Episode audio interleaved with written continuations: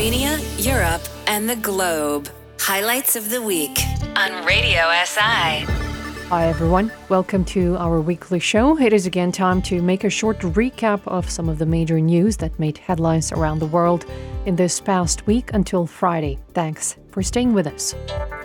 We begin in Italy, where a court sentenced 70 members of the powerful mafia group, the 'Ndrangheta, in the first stage of the biggest mafia trial in decades. Defendants faced charges including attempted murder and extortion. Over the next two years, 355 alleged mobsters and corrupt officials will face court for their involvement with Italy's richest and most powerful organized crime group. Hundreds of lawyers and nearly a thousand witnesses are involved. Highlights of the week on Radio SI. In Slovenia, the COVID pass mandate had been expanded to everyone older than 12.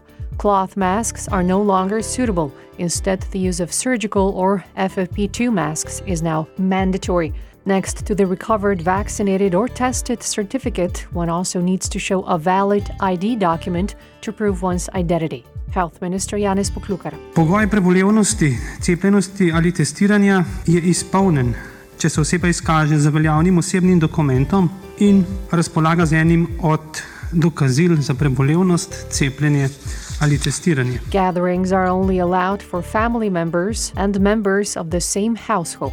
The number of customers in grocery stores are limited to 1 per 10 square meters. As of the 17th of November, self testing in schools will be mandatory for elementary and high school students and college students three times a week, this under staff supervision. Those who will refuse to wear masks and self test in school will have to study from home. Meanwhile, Slovenian medical organizations made an urgent appeal to citizens to do their best to avoid requiring urgent medical assistance over the next month or two, warning that the healthcare system was about to collapse.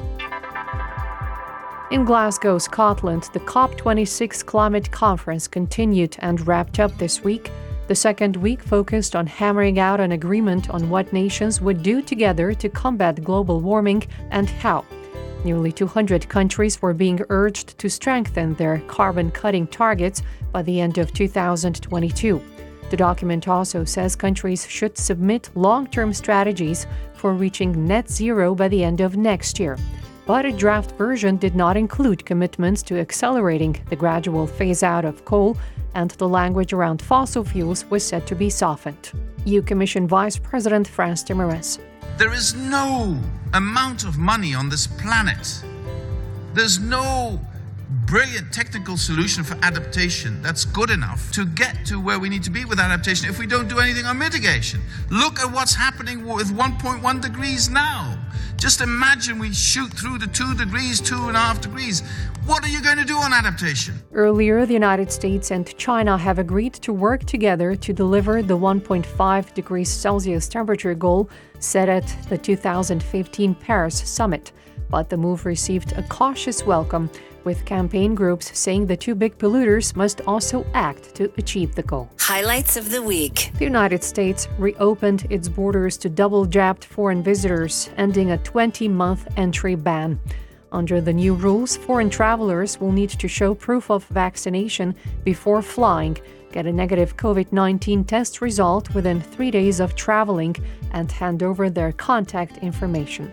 They will not have to quarantine. San Diego Mayor Todd Gloria. This reopening comes at an especially critical time because it allows local businesses to seize the economic opportunity presented by the holiday shopping season. Not only does lifting travel restrictions improve economic health in our region, it also takes safety and public health into account by requiring proof of vaccination for anyone who is not a legal permanent resident or U.S. citizen to cross the border.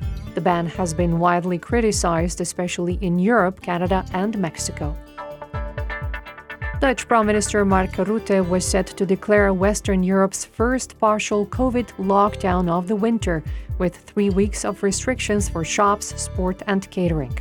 His caretaker government was responding to record infections and rising intensive care cases in hospitals. A driver visiting a test center. I was quite tired of working at home, uh, sitting uh, on the attic uh, behind my laptop. So uh, I'm not looking forward to a new lockdown, I'm afraid. So. Over in Austria, the government said it plans a lockdown for unvaccinated people in one province from Monday, but it denied a nationwide lockdown for the unvaccinated. Highlights of the week. The Chinese Communist Party passed a historical resolution cementing Xi Jinping's status in political history.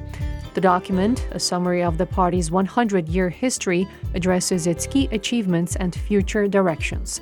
It is only the third of its kind since the founding of the party the first was passed by Mao Zedong in 1945 and the second by Deng Xiaoping in 1981. We'll make a short music break and we will back with this week's top story, so don't go anywhere. Slovenia, Europe, and the globe. Highlights of the week on Radio SI. Next to COP26 in Scotland's Glasgow, all eyes were on the border between Poland and Belarus this week. Poland has stepped up security on its eastern border over concerns about a large group of migrants trying to enter the country from Belarus. Thousands of migrants are still stuck at the border in freezing conditions at the center of an escalating international row. Some of the migrants had reportedly tried to force their way in.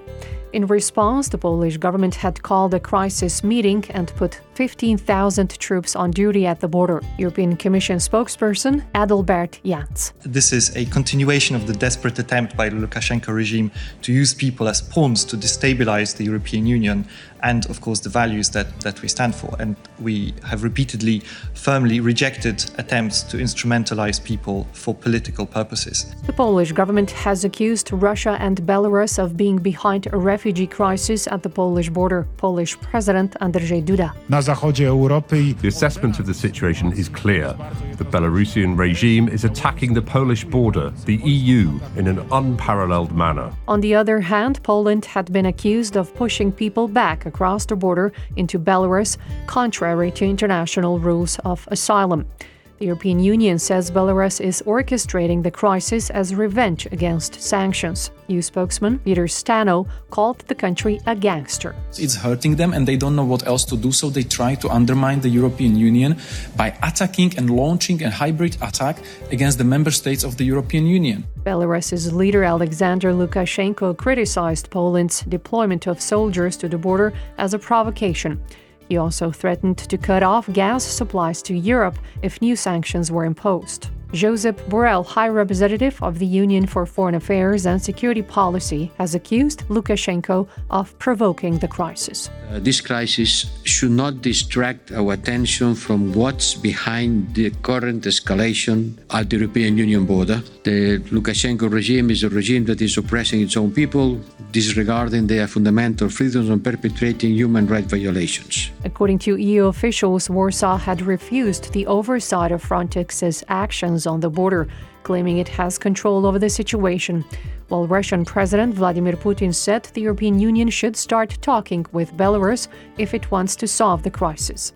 The migrants are mostly from the Middle East. They're camping in tents just inside Belarus, trapped between Polish guards on one side and Belarusian guards on the other. Many journalists and NGOs claim that they still cannot enter the area under the rule, which has essentially banned reporting and providing aid there. That's it for this week. Thank you for listening. Join us again next week, same place, same time. This is Lidia Petkovic signing off. The most important news from Slovenia, Europe, and around the globe. Highlights of the week. Saturdays at 225 on Radio SI.